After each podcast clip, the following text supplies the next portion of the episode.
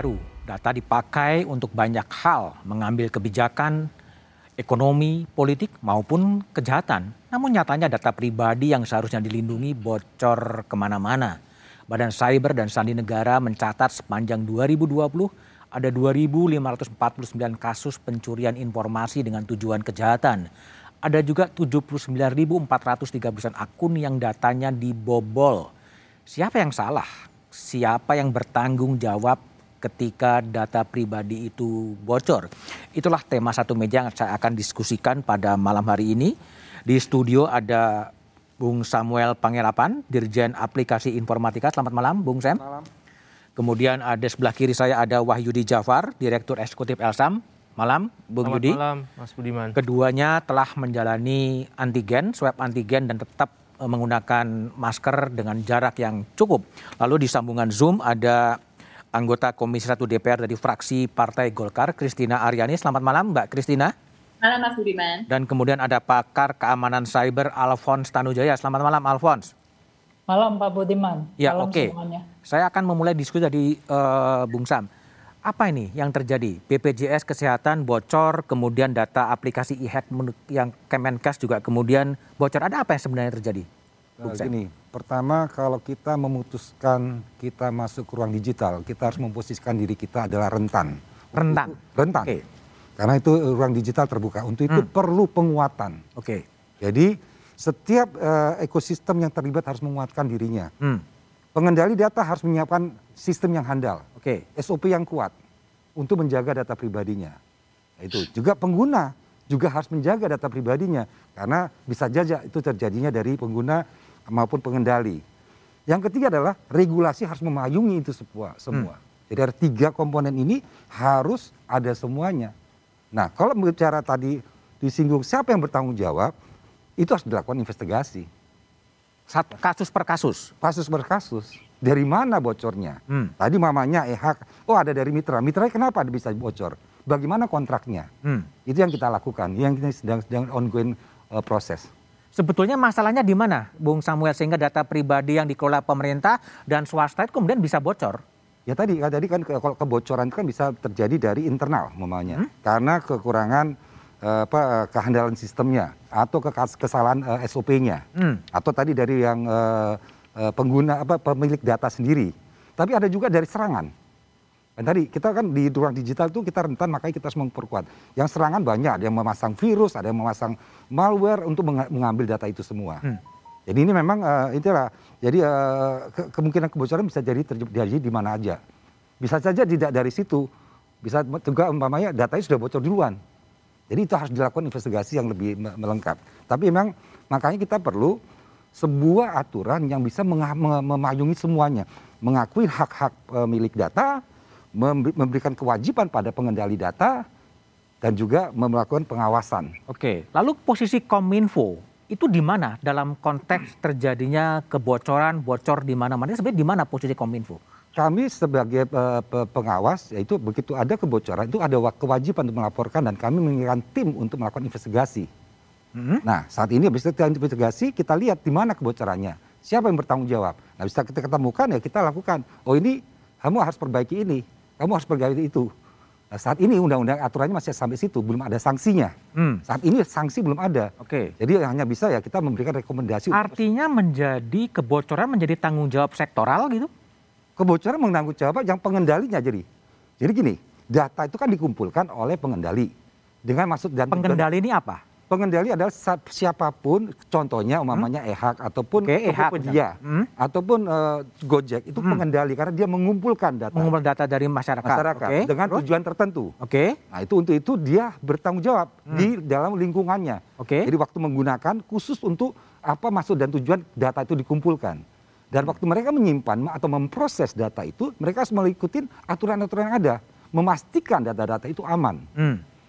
Jadi tanggung jawabnya ada pada tadi ya pengendali ya. ya. Coba kita lihat ya eh, bagaimana eh, riset dari satu meja soal kasus-kasus kebocoran data. Mungkin bisa ditampilkan.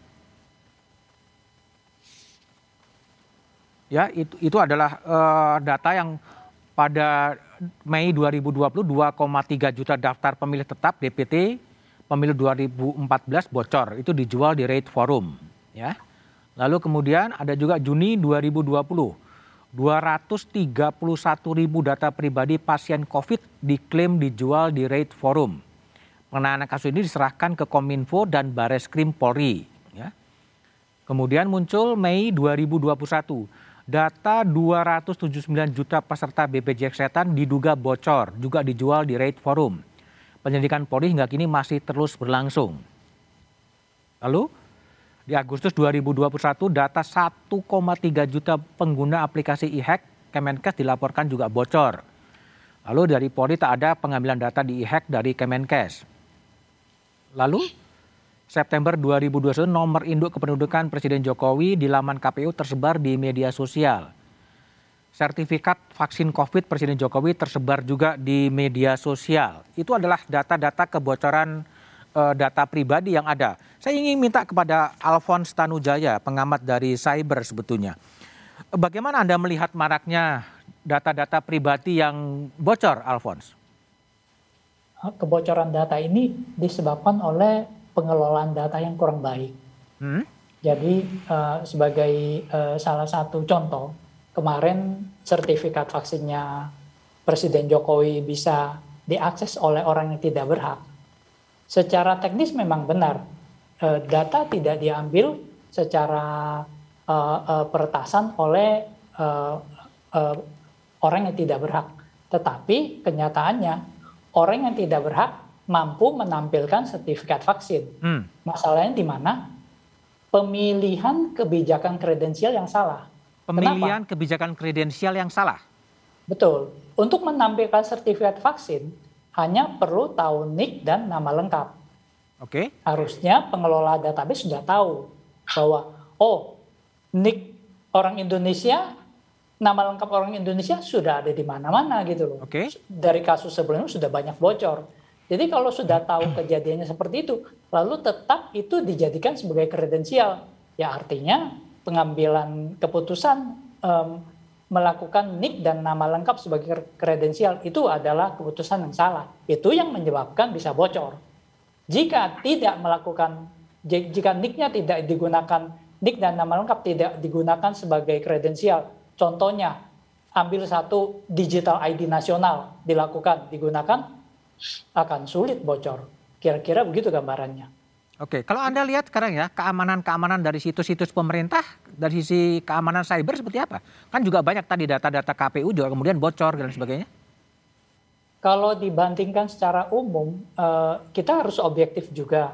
Kebocoran juga terjadi di situs-situs eh, non-government. Jadi ada ada eh, kebocoran di e-commerce, hmm. bahkan di luar negeri Yahoo, Microsoft, LinkedIn juga mengalami kebocoran. Hmm. Dan itu bukan sesuatu yang yang uh, dosa besar atau uh, nggak boleh bocor. Tetapi yang kita lihat bahwa kalau kebocoran itu terjadi berulang dan disebabkan oleh sebab yang karena kecerobohan, karena uh, menganggap bahwa data itu adalah haknya. Jadi data itu dianggap sebagai berkah.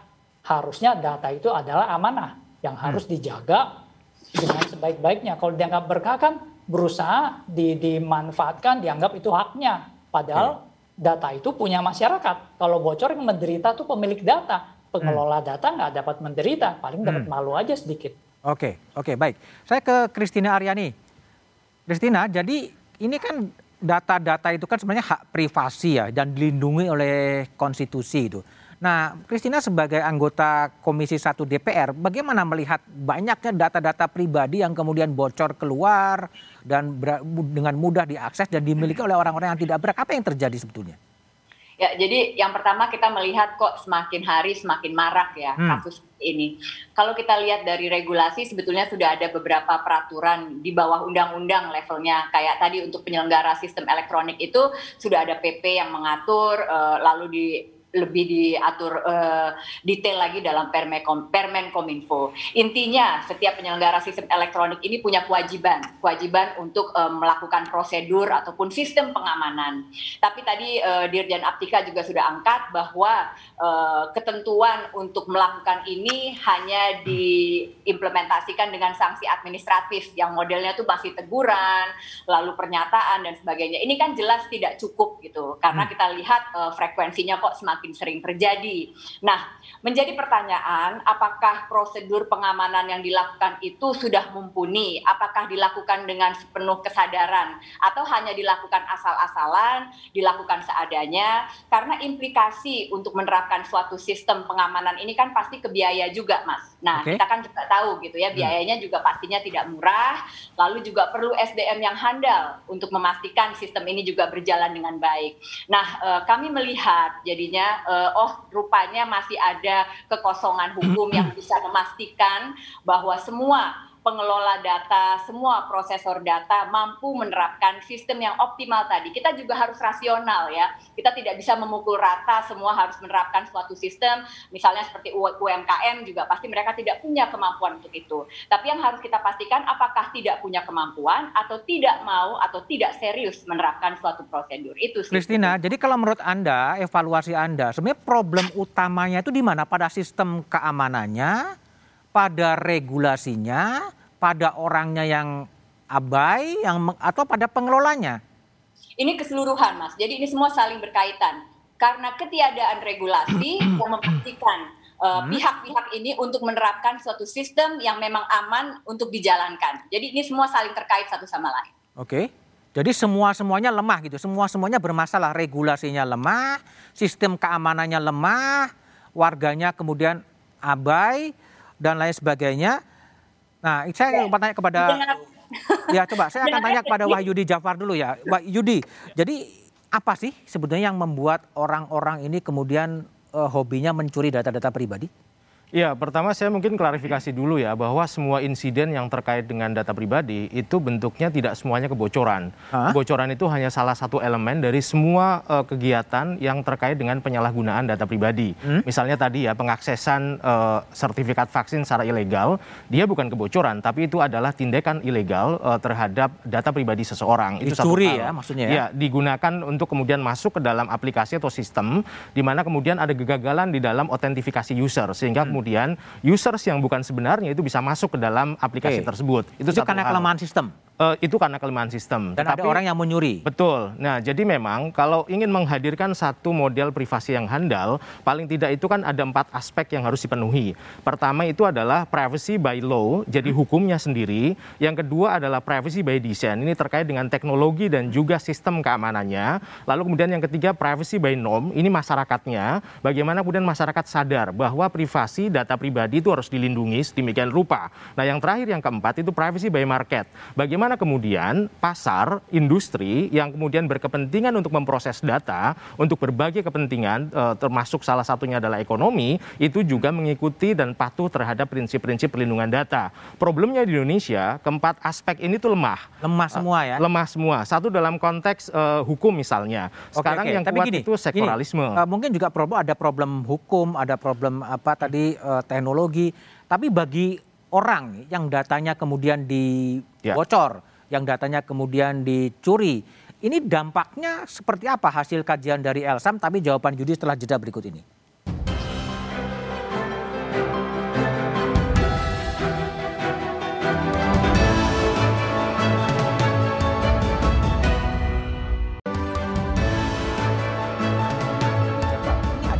Ekspresi kecemasan warga data-datanya yang bocor ke mana-mana. Menurut Anda kenapa?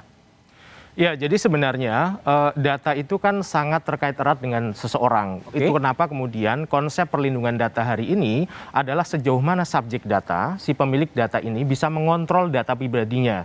Uh, karena data pribadi itu akan menentukan uh, hidup orang itu ke depannya. Hidup orang itu ke depannya. Nah, ketika terjadi kebocoran data pribadi, yang paling sering kita uh, dengar uh, kerugian yang langsung dialami itu kan terkait erat dengan ekonomi ya, hmm. karena sering kali penyalahgunaan itu kan motifnya ekonomi, hmm. uh, apa penipuan dan seterusnya, pengurasan rekening dan sebagainya. Nah, yang lain sebenarnya, apalagi dengan bagaimana masifnya uh, penarikan data-data sensitif, misalnya data kesehatan seseorang, uh, ketika misalnya kemarin aplikasi uh, e-hack bocor atau aplikasi-aplikasi yang di dalamnya menyangkut data kesehatan, di mana data kesehatan itu adalah menyangkut data sensitif seseorang, termasuk mungkin di dalamnya juga terkait dengan data biometrik yang akan melekat seumur hidup pada orang tersebut, okay. maka kemudian ini yang justru sangat-sangat beresiko. Hmm. Karena apa?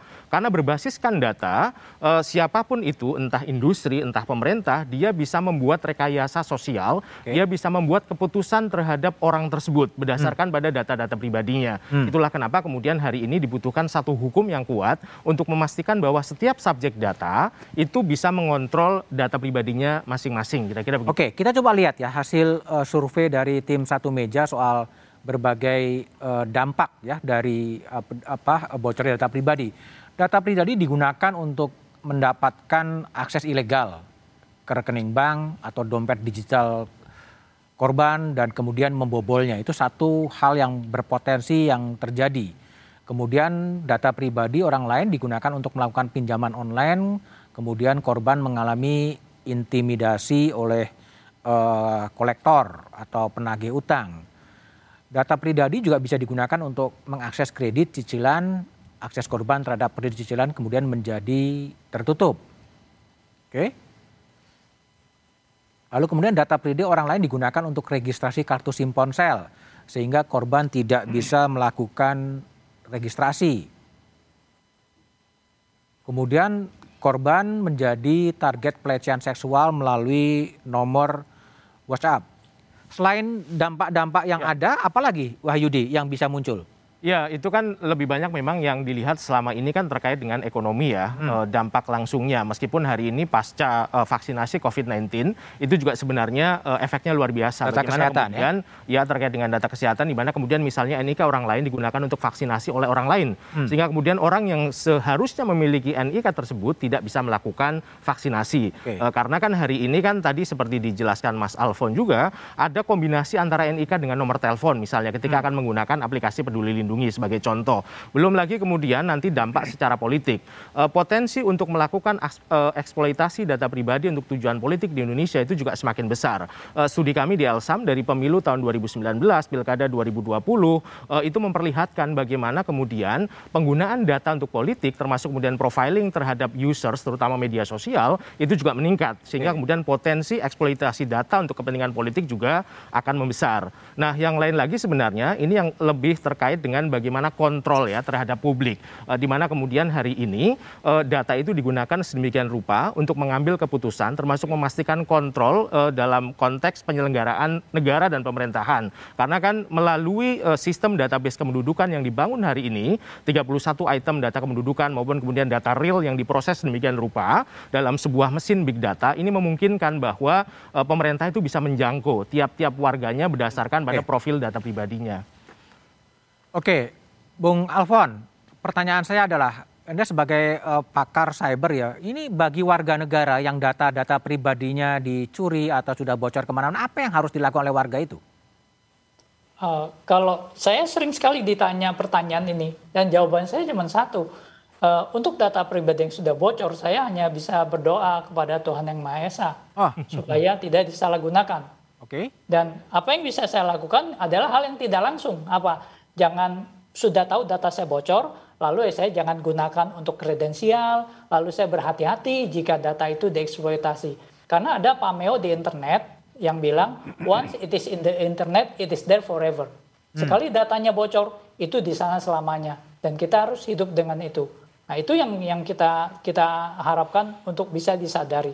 Dan kebocoran data itu selain yang tadi bisa uh, uh, dimanfaatkan politik seperti yang ya si Donald Trump menang karena Cambridge Analytica karena uh, eksploitasi data pribadi. Lalu misalnya data kesehatan itu bisa mengakibatkan kekacauan. Kemarin uh, ada negara di Amerika dalam keadaan darurat. Kenapa? Karena data yang bocor. Ada colonial pipeline ber berhasil dihack. Jadi dampaknya itu sangat sangat luas dan uh, sangat berbahaya. Dalam kesehatan, contoh kita ambil skenario jika ada orang iseng berhasil merubah satu data yang orang positif jadi negatif dan sebaliknya, itu akan jadi kacau. Hmm. Atau dia nggak merubah itu, dia cuma merubah tanggalnya. Misalkan dia masuk tanggal 1 September, dia harus karantina 10 hari, 10 September dia baru keluar, lalu tanggalnya dirubah, dia masuknya 15 Agustus, orang itu langsung boleh bebas gitu Oke, nah baik. itu yang perlu Baik, Bung Sa kembali ke Bung Samuel Pangerapan. Jadi gimana sih? Tadi kan Alfon mengatakan ya kalau udah bocor ya tinggal berdoa aja, nggak nggak disalahgunakan. Tapi pertanyaan saya adalah ini sistem pengelolaan data uh, oleh pemerintah itu sama sekali di, dibiarkan begitu saja atau seperti apa di data-data itu dikelola? Ya dikelola kan sesuai dengan maksud dan tujuannya. Makanya kita perlu uh, yang namanya undang-undang premier yang bisa menjadi guidelines buat semuanya. Hmm. Undang RUU kita ini bukan hanya mengatur private loh, juga mengatur pemerintah. Uh, jadi itu itulah yang dibutuhkan. Karena tadi kan dibilang uh, apa, apa privacy by law itu adalah sumbernya dulu. Hmm. Privacy by law akan menurunkan privacy by design karena dia harus merujuk waktu dia mendesain privacy by design apa sih aturannya, normanya juga gitu kita akan kembangkan dari situ termasuk marketnya. Nah ini juga harus perupayaan yang kuat untuk menjadi referensi semua. Semua pelaku. Tadi mamanya, saya mempunyai rumah, saya teledor, pintu saya kebuka atau jendela saya kebuka. Itu kedalaran saya. Tapi apakah orang yang masuk lewat jendela saya tidak disalahkan, tidak melanggar hukum? Nah inilah perlunya aturan itu. Saya boleh saja saya lupa itu teledoran saya. Eh katakanlah tadi pengendali juga ada teledor atau kurang kehati-hatian dalam mengamankan. Tapi yang mengambil pun itu juga harus diatur. Jangan boleh. Jadi penggunaan data hasil curian itu harusnya tidak bisa digunakan kecuali untuk kejahatan yang lain karena memang pastinya mereka akan melakukan kejahatan tapi nggak mungkin ada untuk hal-hal yang yang yang yang tidak jahat maunya. Sebelum undang-undangnya ada, hmm. apakah memang tidak mungkin ya dibikin sebuah aturan untuk mencegah agar data-data pribadi itu memang tidak apa tidak bocor atau tidak mudah dicuri atau ya tidak usahlah meminta data-data yang memang sebenarnya tidak terlalu perlu gitu loh. Ya itu sudah sebenarnya sudah ada. Cuma tadi sanksinya kurang membuat orang uh, apa, ingin melakukan pengamanan lebih lebih dalam. Ah paling saya cuma diperingati, oh paling saya di, de, apa, di, ditegur, ah, paling ada rekomendasi. Tapi kalau ada ancaman bahwa oh kalau saya eh, melakukan keteledoran, ada harganya. Untuk itu akan saya invest ke SDM-nya. Untuk itu saya invest ke teknologinya untuk itu saya betul, invest betul. untuk yang namanya uh, eh, SOP-nya. Jadi mereka akan itu karena pas begitu dia tahu ah akan ada hukumannya. Itu kira-kira. Jadi ada ada ada ada balance. Jadi membuat uh, orang berpikir dua kali untuk uh, untuk teledor. Oke. Saya ke Kristina dulu. Mbak Kristina. Jadi ya. ini kan aturannya belum ada ya, tapi banyak pengalaman yang dialami oleh oleh warga negara misalnya untuk berlangganan satu produk yang itu produk-produk dari katakanlah dari internet provider itu juga diminta foto selfie gitu bersama dengan KTP-nya gitu sebetulnya. Ya. Dan orang tuh ya ikut aja ngikutin seperti itu. Apakah ini tidak bisa kemudian pemerintah mengintervensi dilarang melakukan itu gitu? Yang terjadi sekarang ya satu karena belum ada aturan yang mengatur kalau apa namanya eh, apa-apa saja data yang diklasifikasikan sebagai data yang harus diberikan. Lalu yang kedua adalah pemberian data itu harus ada persetujuan dan jelas untuk apa apa fungsinya untuk apa itu kan belum ada. Jadi sekarang juga tidak ada cantelan untuk bisa mengatur lebih lanjut. Dan ini kan sistemnya take it or leave it kayak seperti tadi kita mau mengambil satu layanan misalnya dari provider ya kalau kita tidak mau ya mereka juga tidak apa-apa tapi tidak jangan gunakan jasa kami. Jadi hmm. itulah yang terjadi sehingga kita dalam posisi uh, tidak ada pilihan jika kita ingin menggunakan jadi kita harus melakukan itu. Jadi saya rasa kalau kita mendengar pembicaraan kita semua tadi di sini uh, sudah satu arah lah ya kita semua sepakat betapa kita hmm. sangat membutuhkan regulasi ini.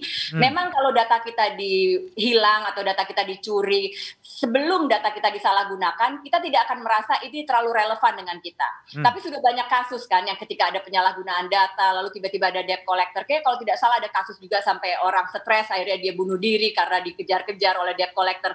Nah, itu semua baru memberikan kita pemahaman, oh ini sesuatu yang serius gitu.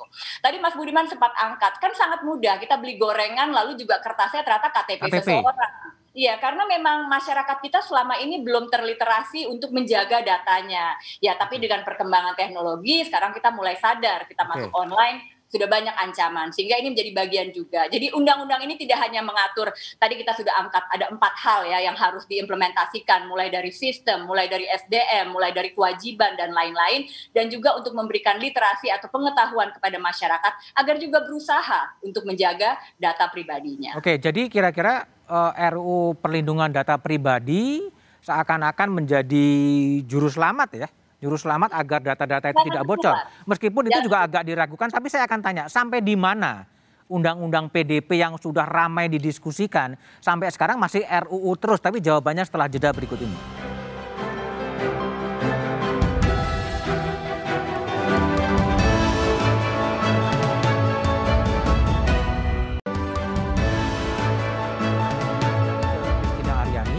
Tadi RUU atau pelindungan data pribadi diharapkan bisa menjadi juru selamat yang menekan kebocoran. Ini pertanyaan saya. Ini RUU ini sampai sekarang masih menjadi RUU. Apa yang terjadi? Lama sekali proses pembahasannya.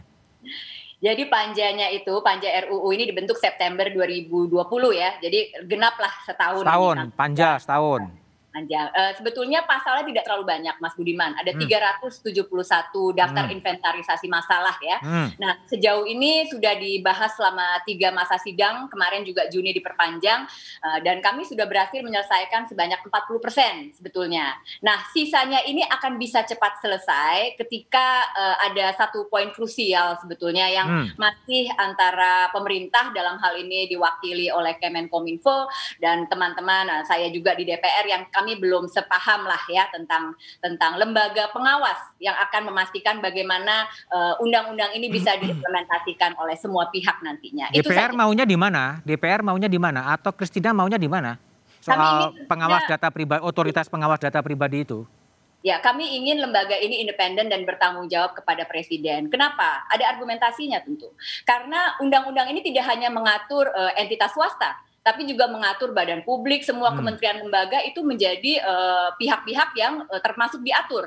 Ketika ini lembaga keinginan pemerintah adalah berada di bawah Kominfo, kami tidak yakin satu independensi itu bisa karena juga sekarang saja sudah hmm. banyak undang-undang yang memberikan kewenangan kepada lembaga lain, misalnya hmm. Dukcapil dan lain-lain. Nah, Kominfo juga ketika terjadi kebocoran juga tidak bisa apa-apa kan, okay. waktu sanksi-sanksi tadi cuma administratif, tapi hmm. kita tidak bisa nafikan lah antara okay. kementerian lembaga itu ada ego sektoral juga satu hal dan mereka diberikan amanat oleh undang-undang. Ketika ada undang-undang lain memberikan amanat kepada kementerian lain, implementasinya sudah bisa diprediksi akan bermasalah di lapangan. Hmm. Padahal sama-sama pemerintah ya. Betul. Oke. Oke, Bung Sem. Jadi kalau tadi Kristina mengatakan maunya ada lembaga independen di bawah presiden. Pemerintah sendiri posisi politiknya di mana sih? Kita juga di bawah presiden. Tapi bukan independen. Loh, independensi itu kan dari bukan dari independensi apa? Jelaskan dulu. Independensi hmm. Oke, okay, Kristina, apa yang apa yang dimaksud dengan independensi lembaga independen itu? Jadi kami melihat sebagai lembaga yang tidak ada di bawah Kominfo gitu. Kalau tidak, sekarang oh, bukan di Kominfo. Betul. Itu pengertiannya independen. Inginnya ada di bawah Kominfo. Kenapa keberatannya?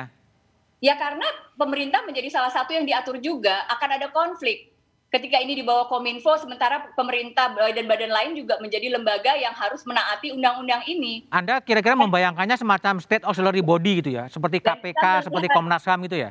tidak sekuat KPK ya, uh, tapi kita melihat seperti KPPU, banyak okay. model. Karena tidak hanya mengimplementasikan, mereka juga akan jadi badan nanti yang menyelesaikan sengketa, karena tidak semua harus berujung oh, ke pengadilan. Okay. Nah, seperti itu. Jadi belajar dari practices yang ada di luar negeri juga, kami sudah melihat model ini sebagai sesuatu yang baik. Okay. Lalu juga, uh, ini menjadi aspirasi dari banyak teman-teman uh, pengamat atau Elsam juga termasuk salah satunya, sehingga kami sudah merasa yakin ini model yang tepat. Oke, okay, baik, baik, Bung Sam. Jadi bu ya. bukan di Kominfo, kalau maunya ya. Komisi Satu minimal lewat Kristina bukan di bawah Kominfo. Artinya nanti bukan di bawah Komisi Satu berarti kan, bukan di bawah Kominfo. Oke, gimana? Kita kalau ingin di gitu. Komisi Satu Pak Semi, tolong diterangkan ya. Kita ya, tidak ingin Jadi gini, ya uh, terima kasih Bu. Jadi kita juga maunya di bawah presiden. Uh Lembaga-lembaga di bawah presiden itu ada ada jenisnya, ada juga namanya uh, yang namanya uh, eh, BP POM. Okay. BPT, banyak semua lembaga-lembaga di bawah BPS. Okay. Itu bawah pemerintah yang tidak ingin diinginkan pemerintah adalah membangun kuasi-kuasi. Apa kuasi? Kuasi. Ya kuasi. Jadi ini menjadi tanggung jawab pemerintah atau bukan? Kalau pemerintah ya serahkan ke pemerintah. Kita akan mengatur. Terus tentang independensi, aturlah di dalam undang-undangnya. Nah terkait bagaimana kita melakukan investigasi sesama pemerintah, ya sama aja kita polisi kan boleh juga menghukum polisi, bukan karena dia polisi, karena undang-undang yang mewajibkan dia memeriksa apabila ada ke Oke, sebentar. kesalahan. Supaya lebih konkret, dalam bayangan pemerintah mewali Pak Sem, otori, apa yang mengatur otoritas data pribadi itu di mana posisi? Lembaga yang di luar Kominfo? Lembaganya begini, lembaga konkretnya itu di bawah presiden, tapi yang tadi pilihannya itu kan lembaga yang di bawah presiden itu ada melaporkannya melalui contohnya BSSN pun itu melalui Kementerian uh, Polhukam jadi memang itu Tapi itu kalau, ketatanegaraan kita. Hah? Ya sistemnya kayak gitu. Memang susah, Pak. Kalau okay, sederajat, kalau sederajat itu memang susah, Pak. Misalnya antara sesama lembaga Kominfo, BSSN, Kemenkes yang kami alami kemarin, yang terjadi memang jadi jadi sungkan gitu loh. Yang terjadi yang yang khusus uh, IHEC kemarin yang kami dapat kesan bahwa ini antara lembaga malah saling melindungi gitu loh. Saling melindungi apa Alfon? Jadi uh, eh, BSSN mengatakan bahwa IHEC-nya tidak bocor, padahal okay. uh, secara definitif data IHEC itu bocor. Hmm. Nah itu yang kami katakan kesan Mungkin saya, saya, antara lembaga saya, saling uh, melindungi. Kalau terkait yang IHEC itu BSSN juga bicara bocor, memang ada kebocoran, kita nggak ada bilang uh, tidak bocor. Kok IHEC-nya ya, hmm. semuanya semua tahu, Kemenkes juga mengakui ada kebocoran. Di sistem yang lamanya dia, emang ada kebocoran. Jadi bukannya dan kami melakukan investigasi sekarang dilakukan investigasi. Iya, dan BSSN mengeluarkan rilis di uh, media bahwa data itu tidak bocor. Itu okay. yang membuat kami agak kecewa sih. Jadi okay, sebenarnya baik. Kalau gimana, ya. Wahyudi? Kalau bicara soal otoritas pelindungan data pribadi, ketika dia dikatakan sebagai sebuah otoritas yang independen, itu kan ada prasyarat-prasyaratnya ya, hmm. sebagai uh, prasyarat independensi. Dan ini kan kemudian belajar dari berbagai praktek di banyak negara dan terutama uh, pengaruh dari pelaksanaan uh, eh, EU General Data Protection Regulation ya. Dan kalau kita melihat studi-studi terakhir terkait dengan bagaimana negara-negara di Asia Pasifik mengembangkan undang-undang pelindungan data pribadi, kegagalan utama negara-negara Asia Pasifik adalah gagal membangun sebuah otoritas yang independen yang akan memastikan efektivitas bekerjanya. Apa, uh, apa ini maksud Anda dengan independen itu? Ya, jadi prasyarat independensi itu bisa dilihat dari beberapa level. Pertama soal uh, uh, independensi kedudukan, di mana kemudian di dalam undang-undang itu secara eksplisit disebutkan bahwa ini adalah otoritas yang independen, dia otoritas yang mandiri. Nah, dari usulan yang disampaikan oleh DPR ketika proses uh, rapat terakhir dengan pemerintah sebenarnya sudah ada tuh jalan tengahnya, bagaimana rumusan pasalnya. Lalu yang kedua adalah independensi komisioner, di mana kemudian komisionernya itu bersifat multi member group gitu kan. Jadi uh, tidak bisa kemudian disamakan dengan kepala BSSN misalnya. Kepala BSSN itu kan ditunjuk langsung oleh presiden. Hmm. Tetapi bagaimana dia sifatnya adalah multi member group yang proses rekrutmennya itu melibatkan lembaga-lembaga politik. Artinya uh, bisa melibatkan DPR. Yang jadi persoalan begini, uh, sering kali ya, uh, saya ambil contoh kasus di Filipina. Filipina itu National Privacy Commission itu dikatakan di dalam undang-undangnya independen. Hmm. Tetapi dalam proses pemilihan komisionernya itu dilakukan langsung oleh presiden. Tiga orang langsung ditunjuk keluar keputusan presiden. Tidak melibatkan senat atau kongres. Ini yang kemudian jadi persoalan di dalam level independensinya. Nah itu yang kemudian dalam proses rekrutmen juga mempengaruhi independensi. Lalu kemudian yang lain adalah terkait dengan independensi dari fungsinya. E, bagaimana dia ketika mengoperasikan tugas dan fungsinya dia bisa bekerja secara independen tanpa kemudian keputusannya dipengaruhi oleh e, otoritas-otoritas lain baik secara politik maupun ekonomi. Lalu yang lain adalah independensi terkait dengan sumber daya manusianya. Bagaimana kemudian orang-orang yang ada di dalamnya itu bisa bekerja secara independen dan terakhir adalah independensi terkait dengan anggaran. Nah ini yang sering kali memang menjadi perdebatan di Indonesia. Karena kan presiden visinya kan melakukan penyederhanaan lembaga-lembaga negara. Tetapi kan e, kalau kita melihat fakta yang e, berkembang terakhir, yang dibubarkan oleh presiden itu kan sebenarnya lembaga-lembaga eksekutif.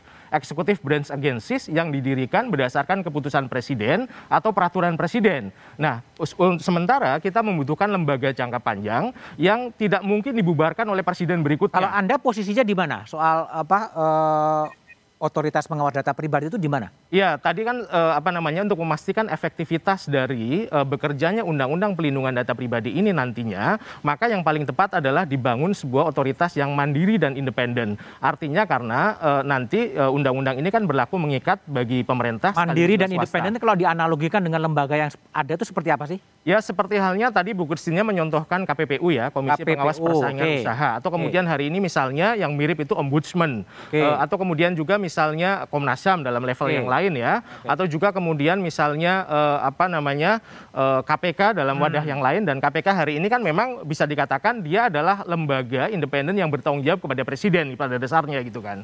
Oke, tidak Perlu terlalu diberikan jauh. gigi, Pak. Perlu Gimana? diberikan gigi gigi yang kuat. Gigi Jadi yang jangan, kuat lembaga iya, itu. Iya, gigi yang kuat untuk menggigit kalau kalau ada yang nggak nurut. Ada yang membocorkan.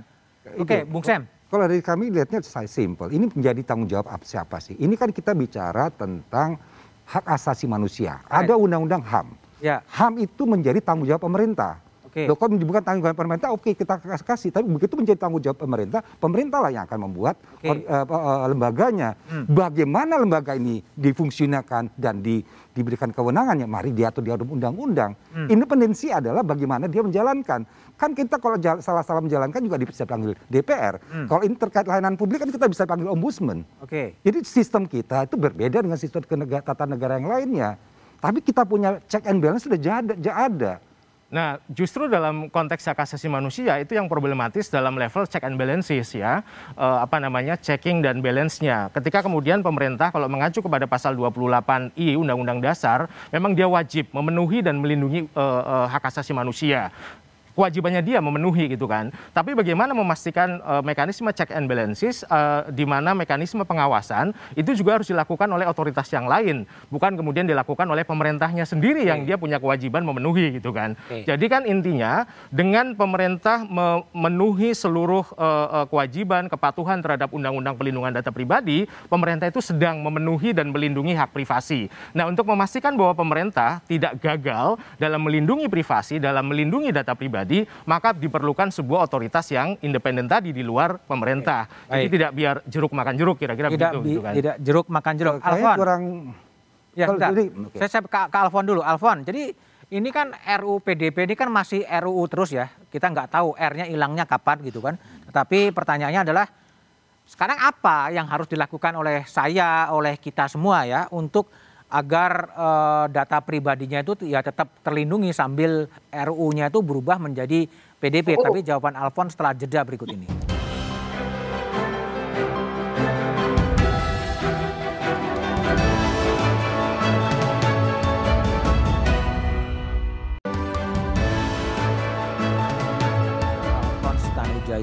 Selain segera berharap RUU PDP itu disahkan, apa yang harus dilakukan oleh pemerintah untuk melindungi data pribadi warga negara?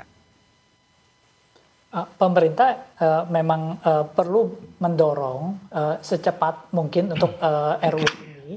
Lalu untuk mencegah terjadinya kebocoran data, sebenarnya sangat simpel. Lakukan satu standarisasi. Jadi sudah banyak uh, standarisasi yang bisa diikuti ISO 27001 lalu BSSN juga memiliki standarisasi. Nah, sebenarnya kalau standarisasi itu diikuti dengan baik, itu sudah ada langkah-langkah yang harus diikuti. Kalau diikuti itu pasti bagus. Sebagai contoh, kemarin uh, uh, salah satu provider seluler yang mengalami kebocoran data kan dia sudah ISO 27001 dalam waktu singkat ketahuan siapa yang bocorkan gitu loh. Hmm. Nah, itu karena ikuti standar. Jadi sebenarnya kalau memang uh, kita ikuti standar itu dan jangan cuma ikuti standar demi dapat sertifikatnya jangan. Oh. Ikuti standar itu mengikuti langkah-langkahnya dengan benar. Itu yang yang yang sangat kami sarankan. Oke, okay, baik Alfon. Wahyudi Jafar. Jadi apa yang harus dikerjakan oleh pemerintah dan juga warga negara sebenarnya?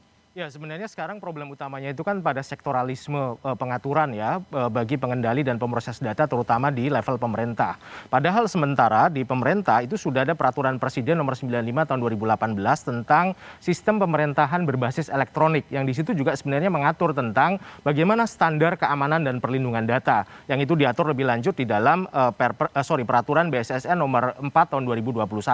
Sayangnya memang karena ego sektoralnya tadi tiap-tiap kementerian lembaga ya hanya mau mengacu kepada aturannya sendiri-sendiri. Hmm. PP yang mengatur kementeriannya itu mana sih? Ya itu saja yang diikuti. Kemudian ini yang berdampak pada kerentanan dari sistem-sistem yang dikembangkan oleh uh, pemerintah. Ini yang kemudian berdampak serius juga pada kepatuhan dari uh, pemerintah sendiri terhadap uh, prinsip-prinsip dan hukum perlindungan data pribadi. Saya contohkan misalnya di Kominfo itu kan ada PP 71 2019 tentang uh, penyelenggaraan sistem dan transaksi elektronik. Sudah ada Permen Kominfo nomor 20 tahun 2016 tentang tentang perlindungan data pribadi dalam sistem elektronik. Tapi kan itu dianggap, nah itu kan urusannya Kominfo, bukan hmm. urusan kami di Kementerian Kesehatan, ya, bukan ya, urusan ya. kami di Kementerian hmm. Dalam Negeri dan seterusnya. Hmm. Nah ini problem utamanya sebenarnya. Sektoralisme gitu kan. ya? Sektoralisme tadi itu kan. Okay. Nah ini juga okay. kemudian berakibat pada sulitnya masyarakat akan mengadu ke mana sih kalau terjadi okay. kebocoran data? Bocor, mengadu ke mana, bingung, Kristina Aryani. Jadi kapan itu RUU PDP itu bisa disahkan dan kemudian bisa efektif, nggak lagi terjadi kebocoran-kebocoran? Ya, jadi uh, terakhir rapat kerja dengan uh, Kemenkominfo, uh, Komisi 1 dan Kominfo sepakat ya bahwa uh, tanggal 30 Agustus yang kemarin bahwa rancangan undang-undang ini akan menjadi prioritas kami untuk diselesaikan. Ya, semoga uh, posisi DPR sih jelas, Mas. Kami ingin RUU ini ini suatu kebutuhan hukum, ini dinanti-nanti oleh masyarakat uh, dan kami siap bekerja terbaik untuk mewujudkan ini. Tapi tadi ada beberapa prinsip yang memang kami harap uh, bisa ketemu lah ya sehingga apa yang kami yakini harus kami berikan bisa kami berikan. Oke, baik, ya. Bung Sam. Jadi ada ada harapan sebetulnya PDP itu betul-betul menjadi benteng ya atau penyelamat lah kebocoran data. Apa, apa betul demikian juga kita nggak tahu juga nanti itu. Paling tidak tadi seperti Alphonse bilang itu akan meredam karena siapa pun semua yang ekosistemnya itu diatur. Stakeholdernya juga diatur di situ stakeholdernya. Jadi kalau kita ya jika kita kemarin terakhir ya kita akan selesaikan ya tadi pasti akan ketemu lah. Kalau duduk pasti ketemu, apalagi satu meja. Ah, kapan targetnya kapan selesai? Ya kita tahun ini harus selesai karena ini kan lagi uh, lagi bahas anggaran, nanti kayaknya uh, yang depan ya Bu ya. Ini akan dibahas. Jadi sudah dibicarakan secara informal juga sudah bicarakan. Pasti harus ketemu karena memang semuanya sudah menantikan undang-undang ini. Nah bahwa independensi tadi mari kita atur di dalam undang-undang. Masih ada potensi deadlock? Saya rasa uh, uh, kalau tadi sudah sepakat harus selesai pasti harus ketemu di mana titik temunya ya itu yang harus kita cari. Satu satu masalah memang di soal otoritas ya. Sebenarnya otoritas ini jadi ya, apa hanya cara melihatnya aja. Sebenarnya sama. Prinsipnya kita juga mau independen. Okay. Di mana pun itu berada, dia harus independen. Oke, okay, jadi prinsip yang tadi empat tadi ya pasti kita terapkan. Oke, okay, Kristina. Jadi uh, kalau ada petu, terjadi kemungkinan deadlock lagi, gimana? Ya kami harap ya ada titik temu lah ya. Uh, ya kita semua sudah tahu apa yang baik gitu, apa yang harus dilakukan. Ya DPR juga uh, jangan di, dianggap kalau DPR itu atau Komisi Satu ingin uh, berkepentingan karena kami ingin menaruh komisioner atau apa tidak sama sekali tidak. Kami hmm. hanya menginginkan yang terbaik seperti tadi. Jadi uh, lembaga ini harus bisa juga menjadi sarana masyarakat untuk mengadu. Mungkin ada banyak orang yang tidak mau menyelesaikan permasalahannya lewat pengadilan, itu costly, itu memakan waktu yang banyak. Nah, badan ini akan bisa menjadi uh, wadah untuk menyelesaikan melalui mediasi, lalu alternatif penyelesaian sengketa lainnya, sehingga memang perlu fungsi ini perlu diberikan uh, independensi tadi ya untuk memastikan. Nah, kalau ini di bawah ya whatever, ini bisa menjadi uh, sekarang ini kan orang juga sudah merasa uh, kurang yakin yakin ya, kurang yakin dengan banyaknya kasus-kasus penyalahgunaan, kebocoran dan segala macam pencurian data. Nah, kita akan menjawab ketidakyakinan itu mengubahnya menjadi Oke. suatu keyakinan melalui ini. Oke, baik Mbak Kristina, Alfon, Bung Sam dan Wahyudi terima kasih telah bergabung di satu meja The Forum. Pencurian atau penyalahgunaan data pribadi adalah pelanggaran hak privasi warga negara yang diatur konstitusi. Karena itu, negara harus hadir melindungi warga negara dari penyalahgunaan data pribadi. Kehadiran Undang-Undang Pelindungan Data Pribadi menjadi mendesak. Pada saat yang sama, kesadaran warga negara jadi benteng untuk melindungi data mereka.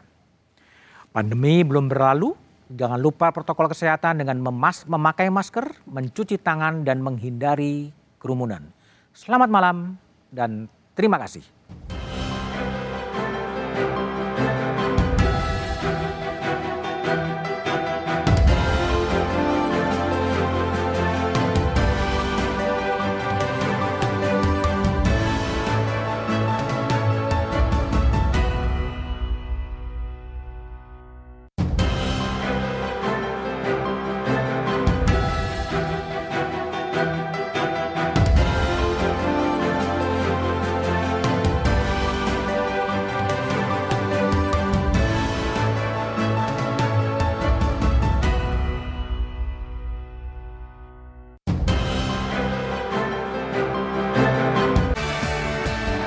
Dapatkan ragam informasi lewat portal video berita pertama di Indonesia yang menampilkan breaking news, peristiwa terkini,